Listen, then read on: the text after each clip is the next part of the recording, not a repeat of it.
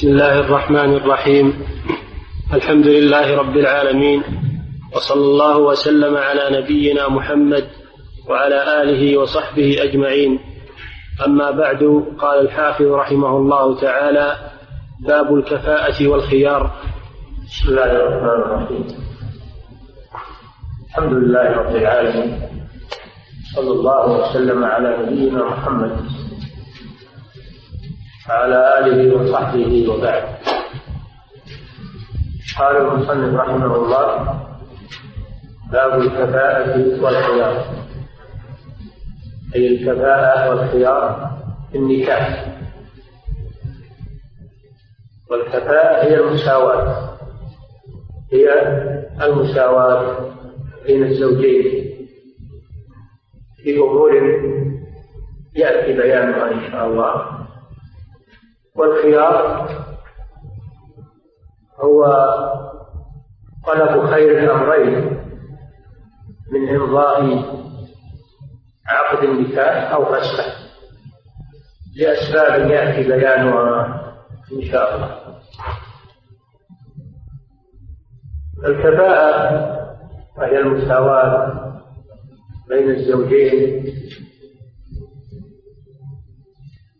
ذكر العلماء أنها بخمسة أشياء. الأول الدين. الأول المساواة بين الزوجين في الدين. والثاني المساواة بين الزوجين في الحرية. والثالث المساواة بين الزوجين في النسب والرابع المساواة بين الزوجين في الحرفة. والخامس المساواة بين الزوجين في اليسار. أما الأول وهو المساواة بينهما في الدين هذا محل إجماع. أهل العلم فلا يجوز أن يتزوج مسلم بكافرة إلا الكتابية؟ قوله تعالى ولا تنكحوا المشركات حتى يؤمنن لقوله تعالى ولا تمسكوا بعصم الكواكب إلا الكتابية فقد قال الله تعالى والمحصنات من الذين أوتوا الكتاب حل لكم. المحصنات المراد بهن العفيفات في أعراضهم عن الزنا. المحصنات من المؤمنات والمحصنات من الذين أوتوا الكتاب من قبلكم.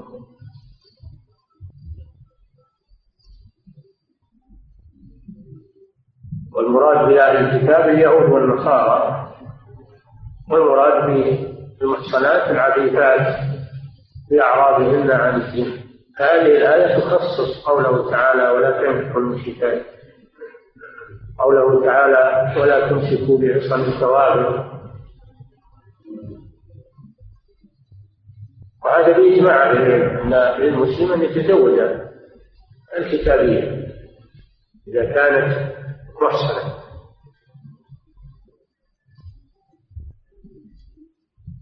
وكذلك المرأة المسلمة لا تتزوج الكافر مطلقا وهذا بالإجماع لا كتابي ولا غير كتابي المسلمة لا تتزوج كافرا لا كتابي ولا غير كتابي ذلك لقوله تعالى فإن علمتموهن مؤمنات فلا ترجعوهن إلى الكفار. لا هن حل لهم ولا هم يحلون لهن ولم يأتي ما يخصص هذه الآية. باقي على عمومه. وقوله وكذلك قوله تعالى ولا تنكحوا المشركين. ولا تنكحوا المشركين حتى يؤمنوا. أي لا تزوجوهم من المسلمات حتى يؤمنوا ولم يأتي ما يخصص هذه الآية. فلا يجوز للمسلمة أن تتزوج من كافر. فإن تزوجت فعقدها باطل بإجماع أهل العلم.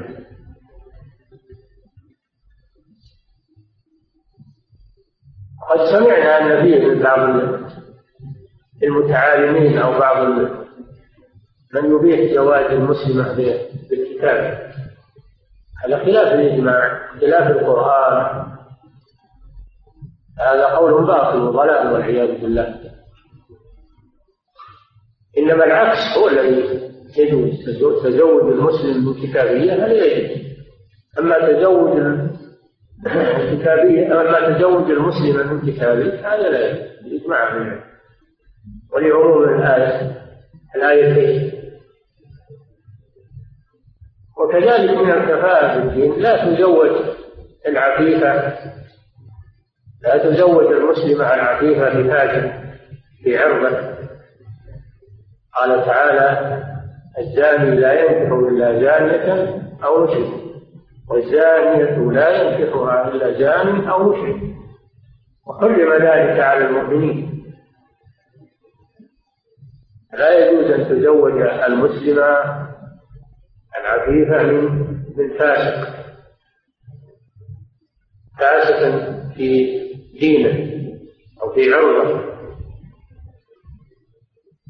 ولا تزوج بمن يشرب الخمر. أيضا هذا يفسد المرأة وكل فاسق لا تزوج منه المسلمة العفيفة ومن ومن تزويج المسلمة بالكافر تزويج المسلمة بتارك الصلاة تارك الصلاة كافر. الكافر سواء كان مرتدا أو كافرا أصليا لا تزوج منه المسلم. سواء كان كافرا أصليا أو كان مرتدا الذي ارتكب ناقضا من نواقض الإسلام لا يزوج من مسلمة ولا يصح العقد. عقد باطل ومن ذلك لا تزوج المسلمة من تارك الصلاة لأن الزواج كافر. أو زواج فاسد الزواج كافر. لا يجوز. هذا في النسل أما الحرية فلا تزوج الحرة من مملوك. لا تزوج من مملوك إلا باختيارها إذا رضيت ورضي أولياؤها.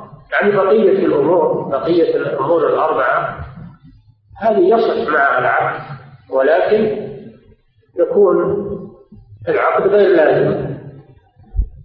في حق من لم يرضى به له أن يفسخ إذا لم ترضى المرأة لها الفسخ إذا لم يرضى وليها فله الفسخ مسألة الحرية في مسألة النسب لا تزوج العربية من غير عربي. هذا يأتي في حديث يأتي الكلام فيه. عدم الكفاءة بين آه، العرب وغير العرب لأن العرب أفضل من غيرهم من حيث الجنس. من حيث الجنس العرب أفضل جنس العرب أفضل من جنس الأعاجم. أما من حيث الأفراد قد يكون في الأعاجم من هو خير من آلاف العرب. من حيث الأفراد قد يكون في العجم من هو خير من أعداد كثيرة من العرب. لكن من حيث الجنس جنس العرب أفضل من جنس العجم. كذلك في في الحرفة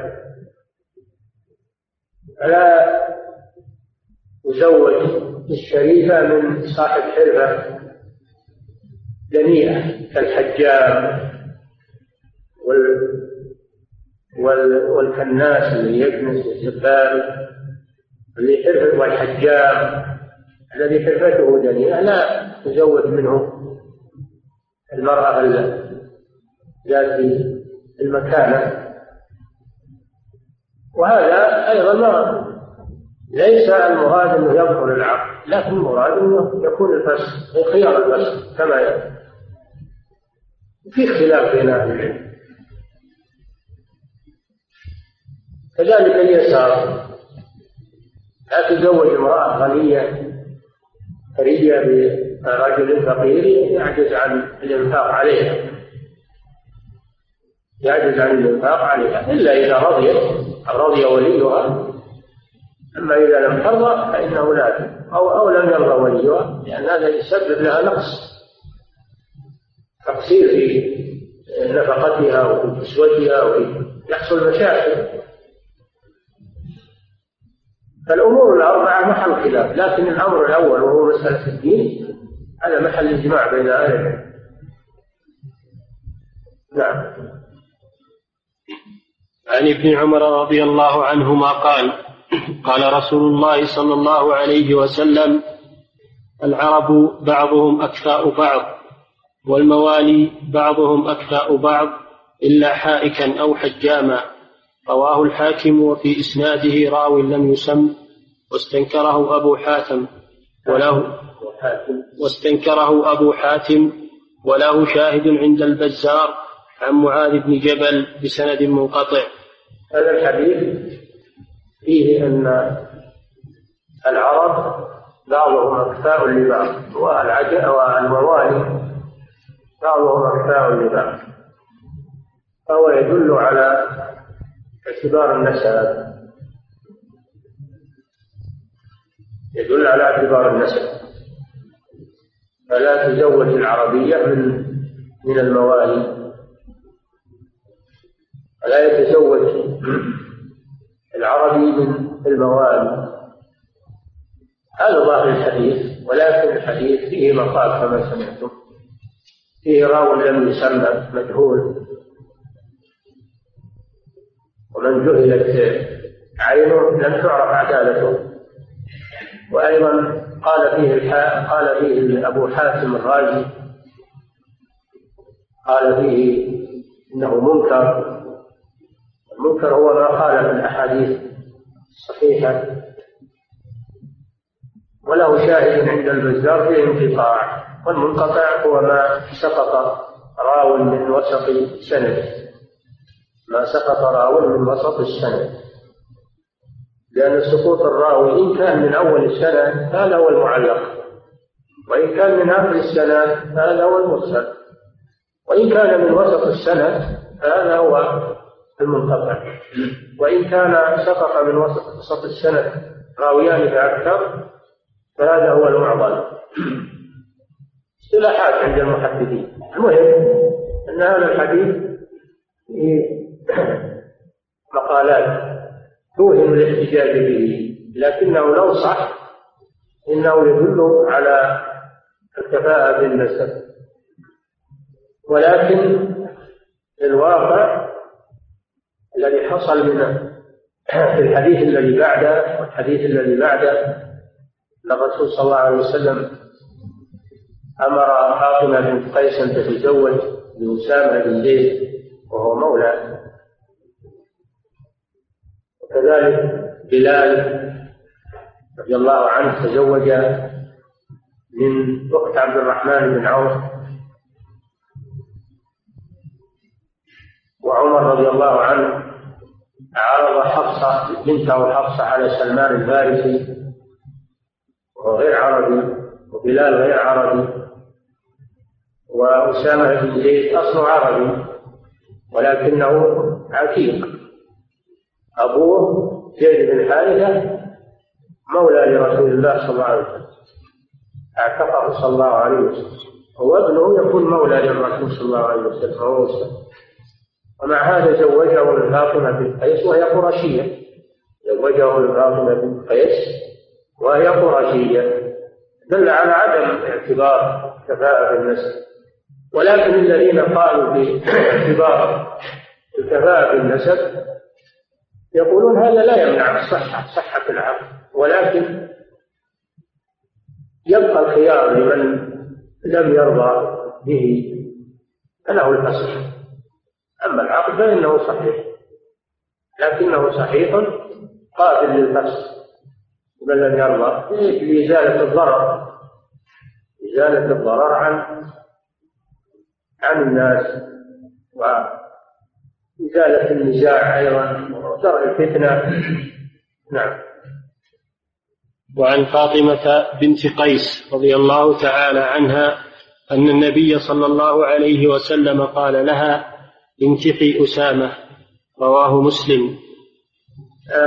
فاطمة بنت قيس قرشية طلقها زوجها فجاءت إلى النبي صلى الله عليه وسلم تستشيره لأنه خطبها معاوية بن أبي سفيان خطبها أبو جهيم. فقال لها صلى الله عليه وسلم أما معاوية فصعلوك لا مال له وأما أبو جهيم فلا يضع العصا عن عاتق. انكحي أسامة ببنتي فتزوجت من أسامة. وأسامة مولى لرسول الله صلى الله عليه وسلم. ابن مولى للرسول صلى الله عليه وسلم. وهي قرشية. دل هذا على أنه لا اعتبار للنسب الله تعالى يقول إن أكرمكم عند الله أتقاكم. فيبقى الأمر أن العقد يصح لكن بعض العلماء أو كثير من العلماء يقولون يبقى الخيار لمن لم يرضى بهذا العقد من الزوجة أو وليها. نعم. وعن أبي هريرة رضي الله تعالى عنه أن النبي صلى الله عليه وسلم قال يا بني بياضة أنكحوا أبا هند وأنكحوا إليه وكان حجاما رواه أبو داود والحاكم بسند أبو نعم. هذا في الحلفة أبو هند هذا كان حجاما. الحلفة والحجامة. والحجامة مص الدم. لأجل العلاج. وهذه حلفة فيها دناء. لأن مص الدم فيه دناء. قد يتطاير الدم إلى حلقة. الحجام ولذلك ورد صحيح أن إن إن أنه يفطر الحاكم والمحجوم إذا كان صائما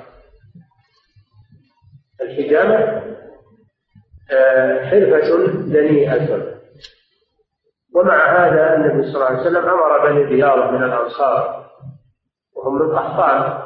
أنصار من قحطان من جنمي العرب أصول العرب. ومع هذا أمرهم أن ينكحوا أبائهم وأن ينكحوا إليه.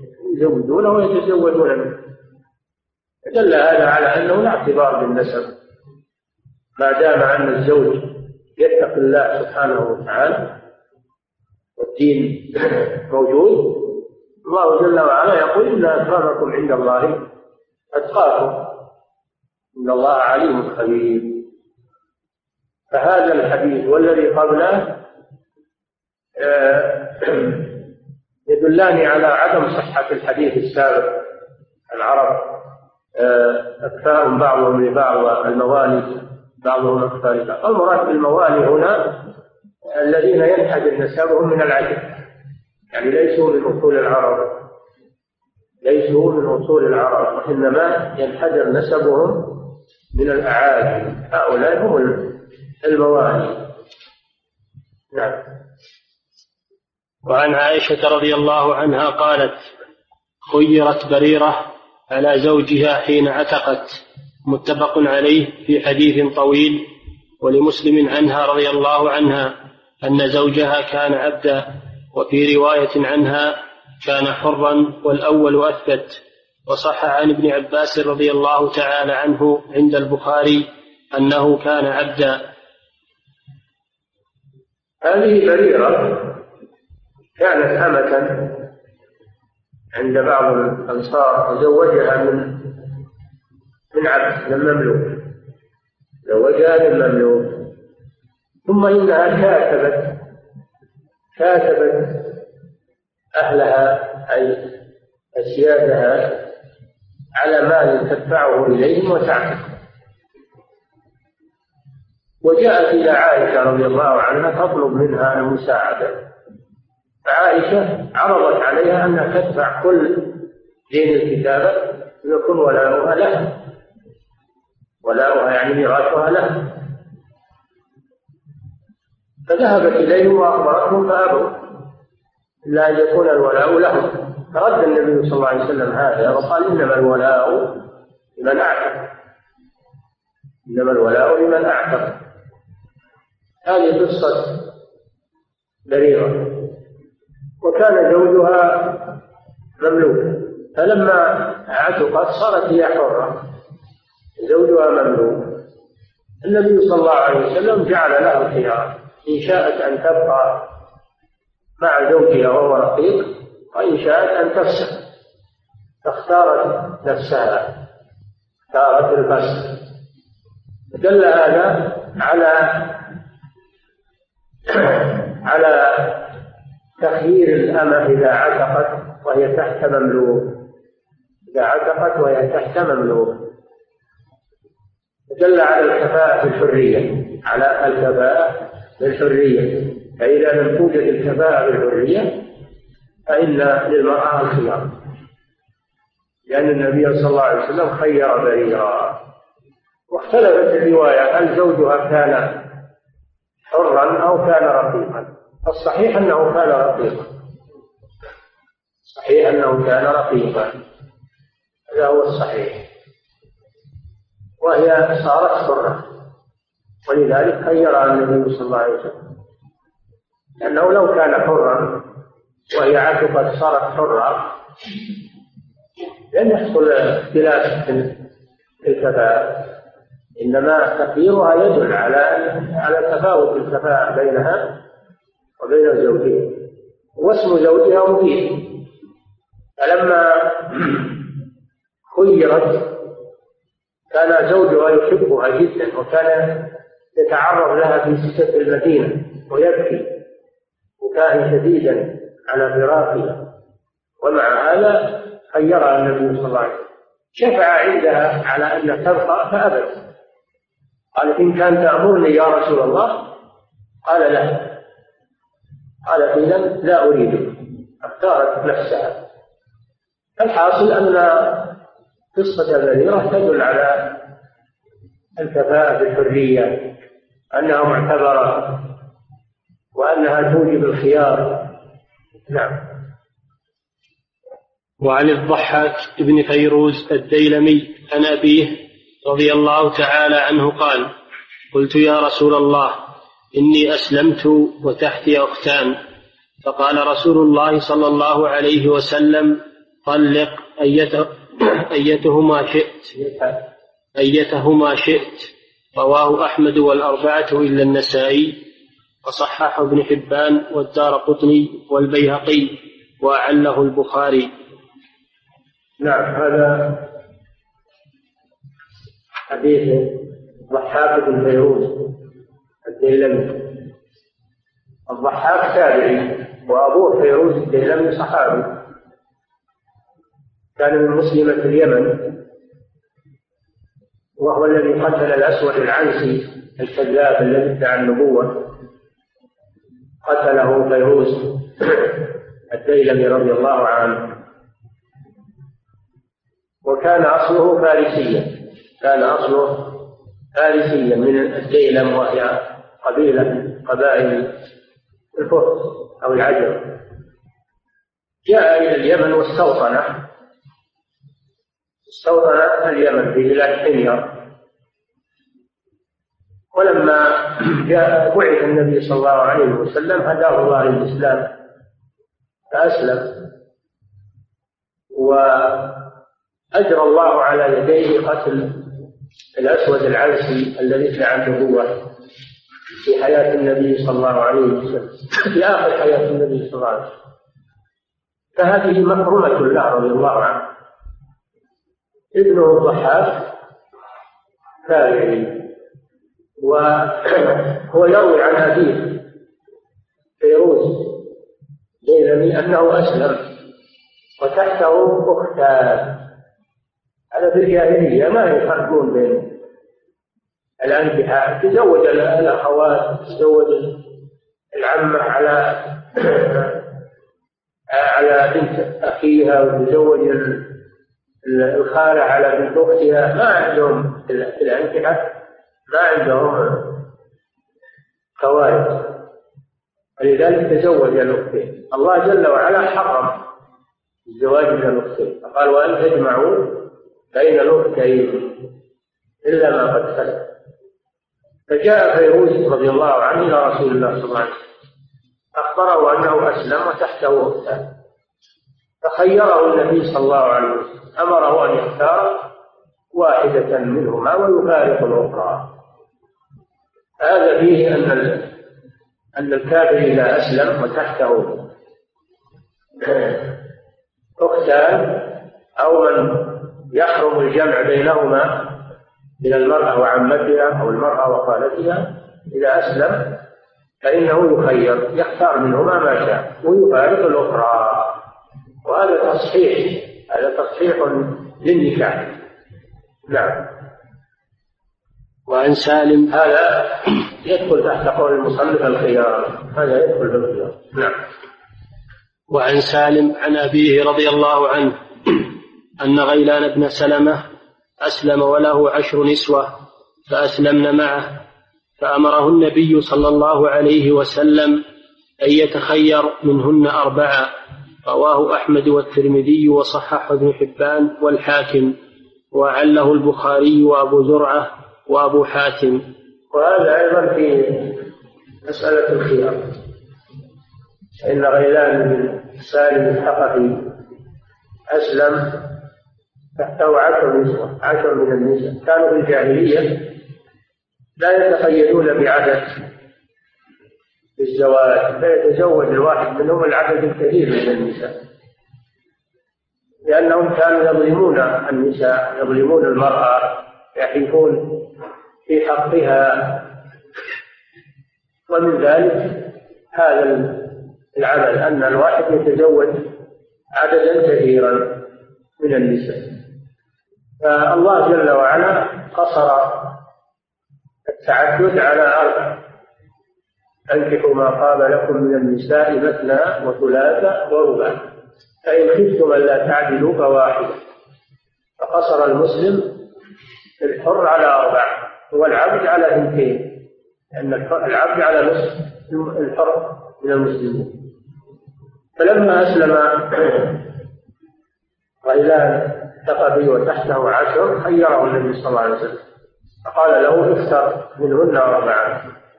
وفارق البواقي. وهذا تصحيح لما كان بالجاهلية نعم. وعن ابن عباس قال رد النبي صلى الله عليه وسلم ابنته زينب على أبي العاص بن الربيع بعد ست سنين بالنكاح الأول ولم يحدث نكاحا. رواه أحمد والأربعة إلا النسائي وصححه أحمد والحاكم. وعن عمرو بن شعيب عن أبيه عن جده أن النبي صلى الله عليه وسلم رد ابنته زينب على أبي العاص بنكاح جديد. قال الترمذي حديث ابن عباس أجود إسنادا والعمل على حديث عمرو بن شعيب. هذا في قضية زينب بنت الرسول صلى الله عليه وسلم وزوجها بالعاص بن الربيع وهي في مسألة ما إذا أسلمت المرأة وهي تحت رجل كافر فإن أبا العاص بن الربيع كان كافرا. وقد تزوج من زينب بنت الرسول صلى الله عليه وسلم أكبر بنات الرسول صلى الله عليه وسلم. ولما بعث النبي صلى الله عليه وسلم أسلمت بناته منهن زينب. فلم تبقى مع العاص بن الربيع. وهاجرت مع أبيها مع النبي صلى الله عليه وسلم. هاجرت إلى المدينة. وبقي العاص وبقي أبو العاص بن الربيع في مكة كافرا. ثم إنه أسر في غزوة بدر صار من الأسرى. فافتدته زينب بنت الرسول صلى الله عليه وسلم وفك أسره وعاد إلى مكة. ثم رد الودائع التي عنده لأهل مكة. ثم رجع إلى المدينة وأعلن إسلامه. أعلن إسلامه بعد ست سنين من إسلام زينب. بعد ست سنين من إسلام زينب. فردها النبي صلى الله عليه وسلم إليه. ردها إليه بعد ست سنين. هذا مشكل جدا. لأن المتقرر عند العلماء أن الزوجين الكافرين إن أسلما معا النكاح باق. إن أسلم بلحظة واحدة النكاح يكون باقيا. وأما إذا أسلم أحدهما وبقي الآخر على الكفر فإنه يفرق بينهم. قوله تعالى فلا ترجعوهن إلى الكفار؟ لا هن حل لهم ولا هم يحلون لهم. ولقوله تعالى ولا تمسكوا بعصم الكوافر. فيفرق بينهما إذا أسلم أحدهما وبقي الآخر على الكفر يفرق بينهما وينتظر. فإن أسلم الآخر قبل أن تنقضي العدة فإنهما يعودان إلى نكاحهما. إن أسلم الآخر قبل أن تنقضي العدة فإنهما يعودان إلى النكاح. أما إذا لم يسلم الآخر إلا بعد نهاية العدة فإنه فإنه لا لا يعودان إلى النكاح الأول. بل يعقد عقد جديد. هذا المتقرر عند أهل العلم. يعودان بعقد جديد. حديث أو قصة زينب هذه. مشكل لأن بين إسلامها وإسلام زوجها ست سنين. معناها خرجت من العدة ومع هذا ردها النبي صلى الله عليه وسلم. إليه بدون عقد بل بالعقد الأول. هذا يختلف عن القاعدة التي قررها أهل العلم. فما الجواب عن هذا؟ قال بعضهم لعل زينب بقيت بالعدة لأن يعني تأخر عنها الحيض. يمكن الحيض يرتفع عن المرأة مدة فتبقى في عدة إلى أن يعود الحيض وتعتد به. فربما أن زينب ارتفع حيضها في هذه المدة فبقيت في العدة وأسلم زوجها وهي في العدة هذا احتمال والله أعلم. ولكن هذا ما ما عليه دليل.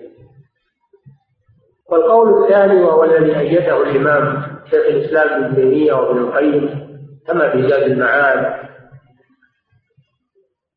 أنه إذا أسلم الزوج الآخر في العدة يعودان إلى النكاح كما قرر العلماء. أما إذا انتهت العدة ولم يسلم الزوج الكافر الذي بقي على الكفر انتهت العدة الزوج الكافر والمرأة مسلمة وانتهت العدة قال ابن القيم النكاح لا يدخل بانتهاء العدة لكن يكون لها الخيار. إن شاءت تزوجت وإن شاءت انتظرت إلى أن يأتي زوجها. فترجع إليه كما حصل من زينب إنها انتظرت ولم تتزوج. فأرجعها النبي صلى الله عليه وسلم إليه. فهو يخالف الجمهور ابن القيم يخالف الجمهور في أن النكاح لا ينتهي بنهاية العدة ولكن يبقى الخيار للزوجة. إن أسلم زوجها رجعت إليه. وإن أرادت أن تتزوج فلها ذلك ولا تنتظر. هذا هو الذي حصل من زينب وهذا القول قريب جدا من مفهوم الحديث. ويزول به الإشكال. لكن الجمهور على خلاف هذا. ولهذا يقول الترمذي كما سمعتم إن حديث ابن عباس أصح أو ردها بدون عقد جديد. وحديث عمرو بن شعيب عليه عمل عند أهل العلم. أو أنه إذا انتهت العدة فلا ترد إليه إلا بعقد جديد. عليه العمل عند أهل العلم. المسألة فيها إشكال. لا شك. نعم. وعن ابن عباس رضي الله عنهما قال أسلمت امرأة فتزوجت فجاء زوجها فقال يا رسول الله إني كنت أسلمت وعلمت بإسلامي فانتزعها رسول الله صلى الله عليه وسلم من زوجها الآخر وردها إلى زوجها الأول رواه أحمد وأبو داود وابن ماجه وصححه ابن حبان والحاكم. هذا الحديث أيضا في نفس القضية. إذا أسلم إذا أسلمت الزوجة وتأخر إسلام زوجها تأخر إسلام زوجها.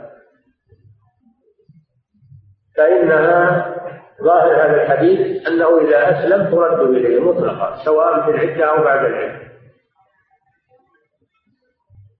الحديث هذا مطلق. ما بين هل هو أسلم وهي في العدة أو أسلم بعد نهاية العدة بل قال هي علمت بالإسلام وتزوجت وهي تعلم أنه أسلم. ردها النبي صلى الله عليه وسلم إلى زوجها الأول. هذا محتمل إنه أسلم في أثناء العدة وهذا لا ما إشكال به. يكون العقد باطل إذا تزوجت في أثناء العدة قبل أن يسلم زوجها فالعقد باطل. هذا بيجمع في لكن إذا كان هذا ما وقع إلا بعد نهاية العدة فهذا محل الاشكال فإن كان بعد نهاية العدة فهو يشبه حديث أبي العاص ابن الربيع. الحديث هذا مجمل في الحقيقة. حديث مجمل. يحتمل انه اسلم وهي في العدة. يكون زواجها من الأول باطل ولذلك نزعها الرسول صلى الله عليه وسلم من زوجها الثاني يعني زواجه باطل. ويحتمل أنه بعد العدة فيكون شبيها بقصة زينب مع زوجها ابي العاص فيدل على أنه حتى ولو انتهت العدة فإنها ترجع إلى زوجها الأول. لكن هذا يدخل على كلام ابن القيم. ابن القيم يقول لها الخيار. لها أن تتزوج. والحديث يدل على أن الرسول نزعها من من الزوج. فدل على أنه ما له خيار. الحديث هذا مسلم نعم. وعن زيد وعن زيد بن كعب بن عجرة عن أبيه قال تزوج رسول الله صلى الله عليه وسلم العالية من بني غفار هذا في العلوم العلوم في النكاح. الحديث هذا والذي بعده؟ العلوم في النكاح. وهي تثبت الخيار. تثبت الخيار. إذا كان في أحد الزوجين عيب لم يعلم به الزوج الآخر عند العقد فله الخيار في الفصل والعيوب كثيرة منها ما هو خاص بالرجل ومنها ما هو خاص بالمرأة ومنها ما هو مشترك بين الاثنين. لكن كلها تثبت الخيار. لمن لم يعلم من الزوجين بعيب صاحبه عند العقد. من العيوب البراس من العيوب العنة التي تكون في الزوج ومن العيوب الرتق في الزوجة العيوب التي تمنع النكاح أو تكرر تكرر أحد الزوجين للآخر تنفذ. فالعيوب تثبت الخيار للزوجين. نعم. وعن زيد بن كعب بن عجرة عن أبيه قال تزوج رسول الله صلى الله عليه وسلم العالية من بني غفار. فلما دخلت عليه ووضعت ثيابها رأى بكشفها بياضا. فقال النبي صلى الله عليه وسلم البسي ثيابك والحقي والحقي بأهلك. وأمر لها بالصداق. رواه الحاكم. وفي إسناده جميل بن زيد وهو مجهول. واختلف عليه في شيخه اختلافا كثيرا. حديث هذا فيه علتان أولا أنه اختلف في شيخ الراوي اختلافا كثيرا تارة عن أبيه تارة عن فلان تارة عن فلان. هذه علة والثانية أن الحديث أيضا فيه راوي مجهول.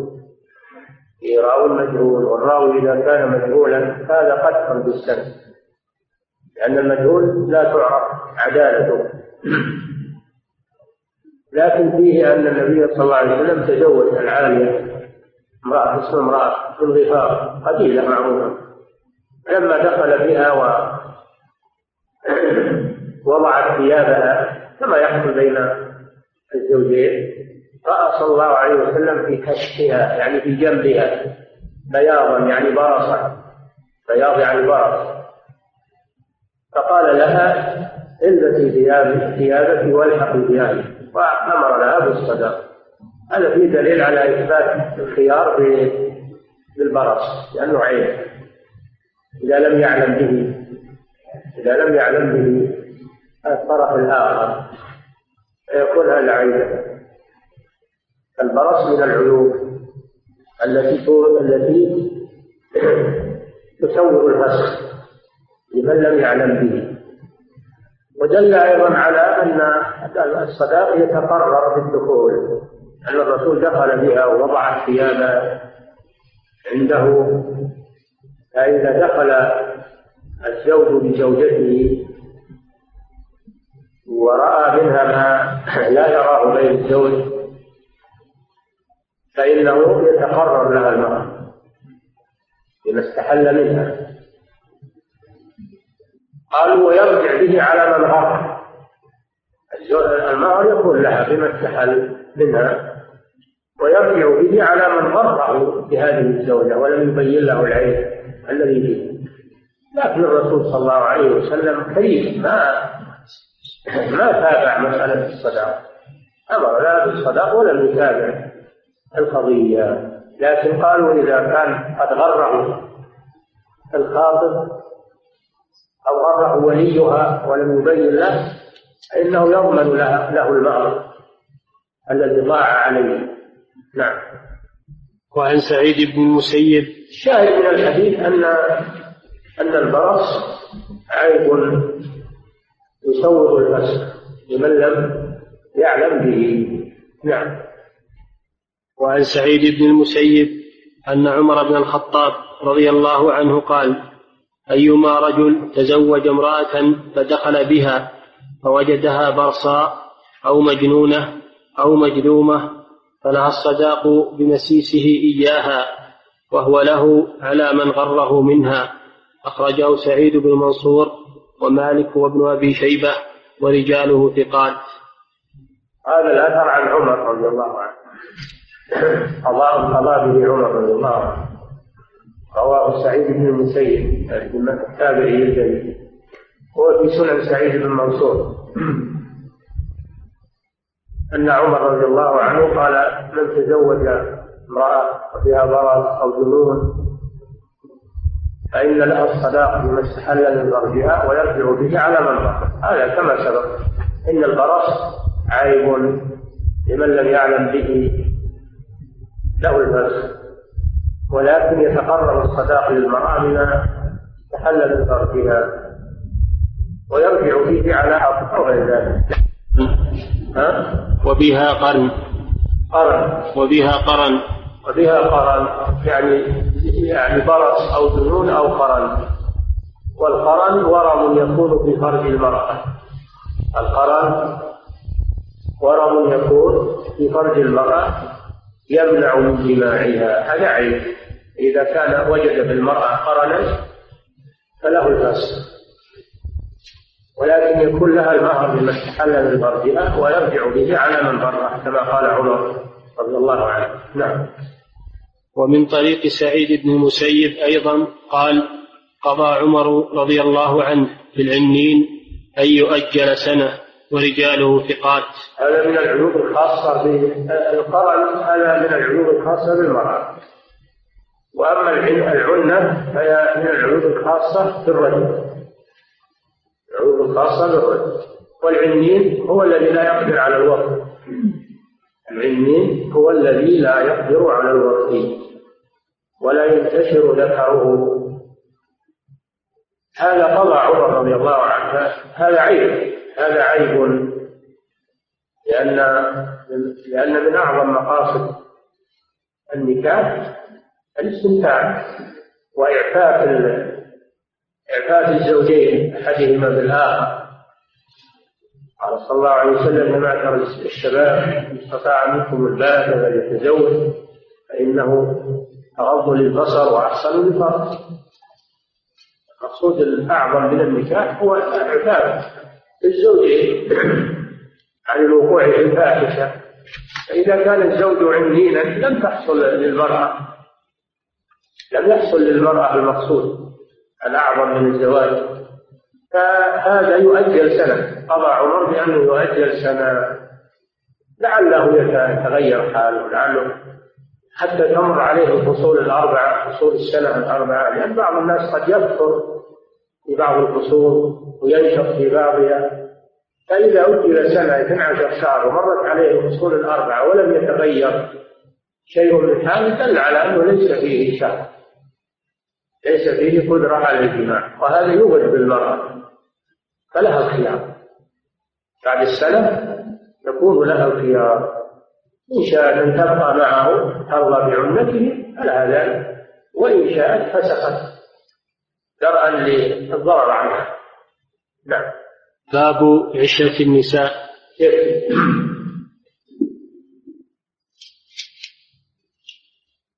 فضيلة الشيخ إذا عقد الولي للثيب دون علمها ثم مات أحد الزوجين فهل يثبت الإرث؟ عقد الولي على الثيب نعم. على موليته الثيب دون أن يأخذ إذنها ورضاها دون أن يأخذ إذنها ورضاها هذه لها الخيار. لها الخيار. لكن إذا مات الزوج وهي لم تفسخ إذا مات الزوج وهي لم تفسخ فلا عليها العدة عليها العدة ولها الميراث. أما إن فسخت قبل أن يموت الزوج انتهى الأمر. نعم. فضيلة الشيخ هل يدخل في عدم التكافؤ في الحرفة تزويج المرأة من لاعب كرة مثلا؟ نعم هذا فيه دلاء فيه كشف العورات وفيه ضياع الوقت. اللعب. وفيه أيضا إنه يغاب عنها مددا طويلة يروح مشاهده أو مشاركه المباريات عليها ضرر إذا لم تعلم فلا أما إذا كانت علمت وقدمت عليه وتعلم هذا ليس لها خيار. نعم. فضيلة الشيخ لو طرأ البرص على أحد الزوجين بعد الزواج بمدة هل لأحدهما الخيار؟ لا. ليس له الخيار. إذا كان المتزوج وهو صحيح وهو صحيح أو هي صحيحة وطرأ البرص بعد ذلك فليس. لأن العقد تم صحيحا لازما. وهذا شيء طرأ في قضاء الله وقدره. ليس له. لكن إذا لم يرضى بها لم يطلقها. إذا كان ما يرضاها ولا ويكره بقاءها معه يطلقها. أو هي أيضا تبرمت من بقائها معه تطلب الخلع تختلع منه تطلب الخلع فإذا رضي بالخلع فلا فله قال جل وعلا ولا تأخذوا مما آتيتموهن شيئا إلا أن يخافا ألا يقيم حدود الله. فإن خفتم ألا يقيم حدود الله فلا جناح عليهما فيما افتدت به. فإذا طرأ البرص الزوجة فله أن يطلقها إن شاء. وإن طرأ البرص الزوج وكرهته فلها أن تطلب المخالعة منه. فضيلة الشيخ إذا تم الفراق بالفسخ هل على المرأة عدة؟ هل؟ على المرأة عدة. المرأة؟ عدة. نعم. إي نعم. العدة تجد بكل أنواع الفرقة بكل أنواع الفرقة إذا كان بعد بعد الدخول إذا كان بعد الدخول فسخت بعد الدخول فلها عليها العدة أما إذا كان الفسخ قبل الدخول ليس عليها عدة مثل الطلاق لو طلقها قبل الدخول ليس عليها عدة يا أيها الذين آمنوا إذا نكحتم المؤمنات ثم طلقتموهن من قبل أن تمسوهن فما لكم عليهن من عدة تعتدونها. نعم.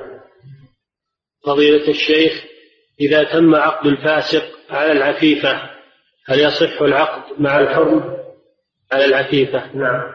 هل يصح العقد مع الحرمة؟ يصح العقد لكن يكون الخيار يكون الخيار.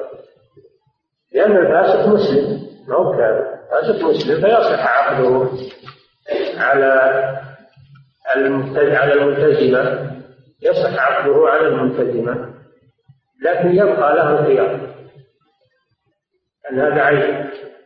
عيب في الدين. إلا الزاني الزاني إذا كان يزني هذا كما قال الله تعالى الزاني لا ينكح إلا زانية أو والزاني الزانية لا ينكحها إلا زاني والزانية لا ينكحها إلا زاني أو مسلم. الزاني لا لا تقيم العفيفة معه. وكذلك العفيف لا يقيم مع الزاني أما الفسق بغير زنا فهذا لا خيار نعم. فضيلة الشيخ حديث ابن عباس في المرأة التي تزوجت وردها النبي صلى الله عليه وسلم ليس فيه إشكال ولا يعارض بالحديث الذي قبله حديث زينب لأن حديث ابن عباس ضعيف والله أعلم. نعم. واللي بعده؟ هذا بينا ما يحتاج تكرار نعم. فضيلة الشيخ هل لا من لا هل من لا نسب له يسمى مولى أم أن المولى هو المملوك؟ المولى يطلق على العتيق يطلق على العتيق ويطلق أيضا على آه، من ليس من العرب. من ليس من العرب. نعم. فضيلة الشيخ يوجد من الآباء من يقوم بقسمة التركة قبل وفاته فهل عمله هذا صحيح؟ وإن كان غير صحيح فهل للأولاد الذين قام والدهم بالقسمة قبل موته أن يعيدوها بعد وفاته؟ هذا يرجع به إلى المحكمة. هذه مسألة يرجع فيها إلى المحكمة لتنظر فيها. نعم. فضيلة الشيخ انتشرت في هذه الأيام قيام بعض محل محطات البنزين بإعطاء الزبون عند تعبئة البنزين بأربعين ريال مثلا لتر أو أربعين لتر كرتون مناديل مجاني. فما حكم عملهم هذا؟ وما حكم أخذ المنديل؟ حتى أصبحنا نذهب إليهم ونترك الآخرين الذين لا يعطون مناديل. هذا عمل لا يجوز لأنه فيه إضرار بأصحاب المحطات الأخرى. أصحاب المحطات الأخرى. تضرروا لأن هذا الذي يجعل جوائز يصرف الزبائن عنه. وأنتم تعلمون أن الرسول صلى الله عليه وسلم نهى عن تلقي الركبان عن تلقي الجلب ونهى عن ما يضر بالمسلمين. هذا العمل لا يجوز لأنه يضر بالمسلمين. لا يجوز لصاحب المحطة أنه يعمل أو صاحب الدكان أو صاحب المتجر أنه يعمل هذه الحوادث لأنه يضر بالناس. يصرف الزبائن عنهم ولأن اللي يأخذ هذه الجوائز يأخذها بغير مقابل. يأخذها بغير مقابل. هذا يدخل يأخذ الأموال أموال الناس الباطل هذا عمل لا يجوز. قد صدرت فيه فتاوى من اللجنة الدائمة. صدر فيه قرار من هيئة كبار العلماء منع الجوائز التجارية هذه لما تجلبه من الأضرار وأكل الأموال بالباطل وغير ذلك. المحاريم واجب على المسلمين أن تكون معاملاتهم نزيهة ويكون التآخي بينهم ولا يمد بعضهم ببعض. نعم. فضيلة الشيخ هل يصح عقد ولد الزنا على الشريفة العفيفة؟ هذا من جهة النسب. هذا غرر من جهة النسب. الصحة يصح ما دام إنه مسلم متمسك بدينه يصح لكن يبقى الخيار لمن لم يرضى بهذا العقد يصير له الخيار إن شاء فسخ يفعل للضرر ولا العقد صحيح. هذا في في مسألة الكفاءة بالنسبة نعم. فضيلة الشيخ هل رائحة الفم الكريهة للمرأة يعد عيبا في الزوج أو الزوجة؟ لا شك. هذا من أعظم العيوب. البخر البخر هذا من من العيوب. فإذا كان في أحد الزوجين بخر لا في ضرر على الآخر. له خيار البخر نعم. فضيلة الشيخ بعض الناس لا يرضى أن يزوج ابنته مما يسمى بخضير من قبيلي هل لها أصل في الشرع؟ أنتم عرفتم القاعدة أن العقد يصح. ما دام أنه مسلم العقد يصح. لكن يبقى الخيار لمن لم يرضى من من أوليائها أو هي إذا لم ترضى يبقى الخيار لإزالة الضرر أما العقد إنه يصح بحيث أنهم إذا رضوا صار العقد مستمر صحيح ساري المفعول. نعم. فضيلة الشيخ بالنسبة للعيب الذي في المرأة كالقرن كيف يأخذ الزوج مهره ممن غره؟ وهذا أمر لا يمكن لأحد معرفة معرفته إلا المرأة. تعرض على النساء. عيوب النساء تعرض تعرض على النساء. فإذا قررنا إن فيها عيب فيثبت هذا الخيار للإنسان.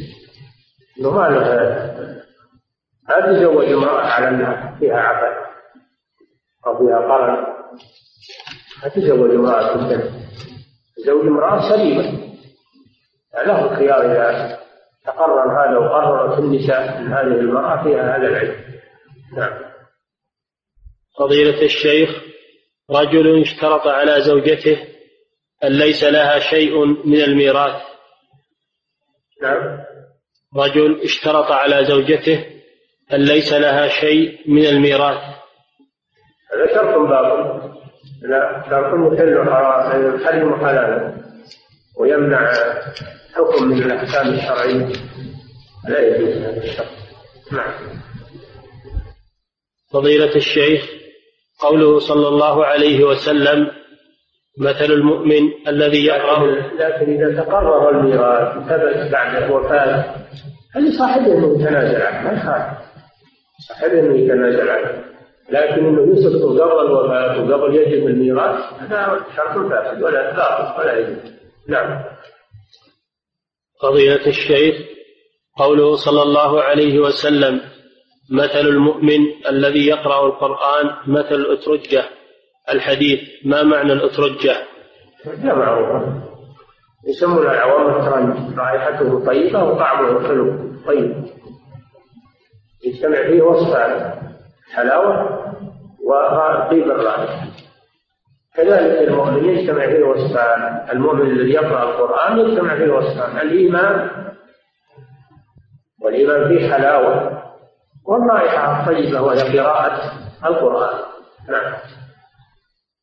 فضيلة الشيخ إذا طلقت المرأة وحيضها مضطرب فمرة يجلس أربعة أشهر وبعض الأحيان يأتي بعد شهرين فكيف تكون عدة هذه المرأة؟ ما دام انها تحيض ما دام انها تحيض فإنه لابد من ثلاث أيام سواء كانت منتظمة أو مضطربة. لابد من مرور ثلاث أيام والمطلقات يتربصن في أنفسهن ثلاثة قروء فما دام الحيض موجود ولو كان يتأخر فإنها لا تخرج من العدة حتى تحيض ثلاث شهور أما إذا كان الشيخ مرتفع عنها ولا يعود أبدا ميؤوس منه أن تكون صغيرة أو أو بالغة سن الإياس فهذه تعتد بثلاثة أشهر واللائي يئسن من المحيض من نسائكم يعتدن فعدتهن ثلاثة أشهر واللائي لم تكون الأشهر مقام الحيض الثلاثة نعم. نعم. فضيلة الشيخ ما حكم قول المصلي عند قراءة إمامه بقوله تعالى أليس الله بأحكم الحاكمين؟ بلى. وهل ثبتت بحديث صحيح؟ لا هذا ما يقال لأنه ما ثبت عن الرسول صلى الله عليه وسلم. الحديث الذي ورد في ذلك ضعيف لا يجوز العمل به. نعم. فضيلة الشيخ كيف نجمع بين حديث فاطمة بنت قيس والأمر بأن تعتد عند ابن أم مكتوم لأنه أعمى وحديث أفعم ياوان أنتما. يقولون حديث عم ياوان ضعيف. حديث أمرها بالعدة في بيت ابن أم مكتوم. هذا صحيح. ولا تعارض بين حديث صحيح وحديث ضعيف. نعم. فضيلة الشيخ من قال إن ذبيحة تارك الصلاة أخبث من ذبيحة أهل الكتاب فهل هذا الكلام يدل على أن ذبيحة أهل الكتاب خبيثة؟ هذا الكلام جاهل ما هو كلام عالم ذبيحة أهل الكتاب مباحة وطيبة خبيثة. أما ذبيحة تارك الصلاة فهي خبيثة لأنه كافر مرتد عن دين الإسلام. فلا مقارنة بين ذبيحة أهل الكتاب التي أحلها الله وذبيحة المرتد الذي حرم الله ذبيحته. نعم. فضيلة الشيخ كيف تعتد المرأة إذا طلقت وهي في النفاس؟ تستقبل ثلاث أيام غير النفاس. تستقبل ثلاث أيام بعد النفاس. كما إذا طلقت في أثناء الحيض في أثناء الحيض طلقت عند الجمهور يقع الطلاق لكن ما تحسب هذه الحيض بل ثلاث حيض بعد هذه الحيضة التي طلقت فيها. نعم. فضيلة الشيخ إذا طاف المحرم وسعى ثم لبس قبل أن يحلق فما الواجب عليه؟ الواجب عليه أنه يخلع إذا علم أو ذكر أنه يبادر بخلع الثياب وإعادة ملابس الإحرام ثم يحلق ويعذر بالنسيان أو بالجهل نعم. وكذلك إذا جامع زوجته قبل الحلق وبعد الطواف والسعي. عمرته صحيحة لكن يجبر ما حصل بدم يكون عليه دم إذا جامع بعد الطواف والسعي وقبل الحلق. عمرته لا تفسد ويكون عليه فدية يكون عليه دم لأنه ارتكب محظورا. نعم. فضيلة الشيخ هل يجوز التزوج من النساء؟ التي يتهمن بأنهن بنات زنا والعياذ بالله مع أن بعضهن قد تكون حافظة للقرآن. الكلام عليها إذا كانت هي ملتزمة بدينها وامرأة طيبة فلا بأس بالزواج. منها ما لها ذنب ما لها ذنب. نعم. فضيلة الشيخ هل ورد سلام واحد في الصلاة؟ ورد لكن الأكثر والذي عليه جماهير أهل العلم أن التسليم تسليمتان في الصلاة. فلا يقتصر على واحد إلا بالجنازة. صلاة الجنازة نعم. فضيلة الشيخ متى يبدأ الخيار في عقد النكاح؟ بعد العقد أم قبله؟ وهل زواج الأسود من البيضاء أو العكس يعتبر فيه الخيار؟ لا. لأن الأسود بين والسود بين. يدخل على بصيرة أوقع في هذا. ليس فيه غرض ليس فيه غرض ولا بأس نعم. فضيلة الشيخ إذا كتب الرجل في ورقة طلاق امرأته وهو لم ينطق بلسانه وقال إني لم أرد طلاقها ولكني كتبتها تخويفا لها فهل يقع هذا الطلاق؟ هذا يرجع به إلى القاضي. إذا كان هذا الشيء واقع. واقعة عين حادثة فلازم الرجوع إلى المحكمة النظر. في هذا نعم. فضيلة الشيخ ما حكم استخدام أو شراء الحيوانات المحنطة؟ مع العلم أنه لا يعلقها وإنما يضعها للزينة. لا يجوز هذا لأن هذه جية الحيوانات المحنطة جية النجسة. فلا يجوز اشتراء ثمنها حرام. بيع الميتات حرام. ثمنها حرام. شراؤها حرام. ولا يجوز جعلها في البيت. أنها جية نجسة. نعم. فضيلة الشيخ كم عدة الموطوءة وطأ شبهة؟ عدتها براءة رحمة. تستبرأ بخيرة. إذا كانت موطوءة بشبهة تستبرأ بخيرة نعم. على الصحيح. نعم. فضيلة الشيخ في التفات المؤذن للحيعلة هل يبقى إذا التفت للحيعلة الأولى حتى يتم الثانية من نفس الجهة أم يعود لحاله ثم يلتفت مرة أخرى؟ وما الحكم الآن في الالتفات مع وجود المكبرات؟ الحكم باقي مع وجود المكبرات. عملا بالسنة. وأما الالتفات تكرار الالتفات نعم يكرره مع مع الحيعلة الأولى ومع الثانية. وكذلك يمينا وشمالا يكرر مرتين يمينا مرتين شمالا مرتين مع كل حيعلة نعم. فضيلة الشيخ إذا تقدم أخي لزواج وهو مبتلى بالتدخين وسترت عليه عند أهل الزوجة هل هذا يجوز؟ لا هذا ما يجوز هذا غش. وإذا علمت الزوجة أنه مدخن ولم تخبر بذلك يكون لها خيار. هذا عيب ظاهر وضرر بين نعم. ويأثر عليها وعلى أولادها. المدخن هذا عيب. المجاهرة بالمعصية أيضا. نعم. فضيلة الشيخ ما حكم الصلاة على الميت؟ بعد العصر بعد الدفن. لا بأس. الصلاة على الجنازة مستثناء ما ما تمنع وقت النهي إلا عند قيام الشمس فقط. أما بعد العصر وبعد الفجر لا مانع من ذلك سواء على القبر ولا على الجنازة نفسها. نعم.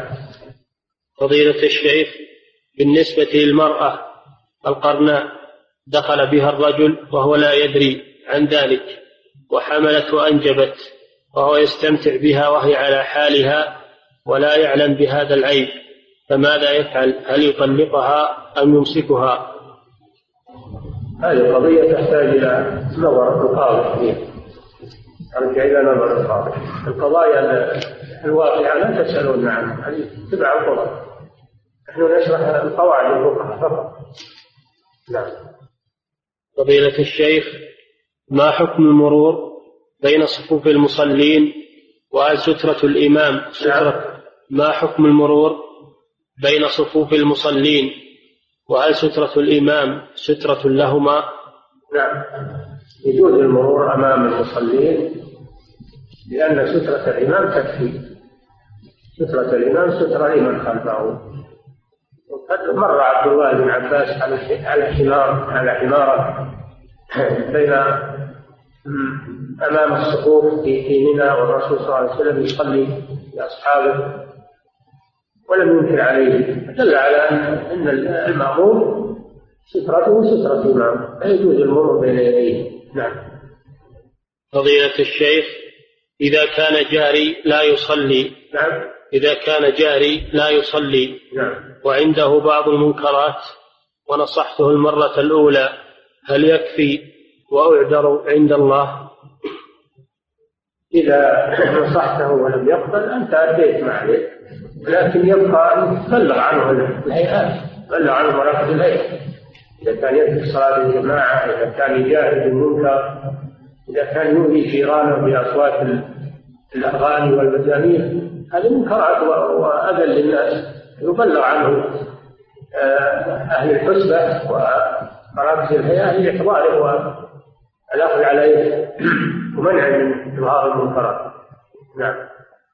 فضيلة الشيخ كم المدة التي يصلى عليها بعد الدفن؟ الفقهاء يقولون إلى شهر. صلى على القبر إلى شهر. ولكن الصحيح أنه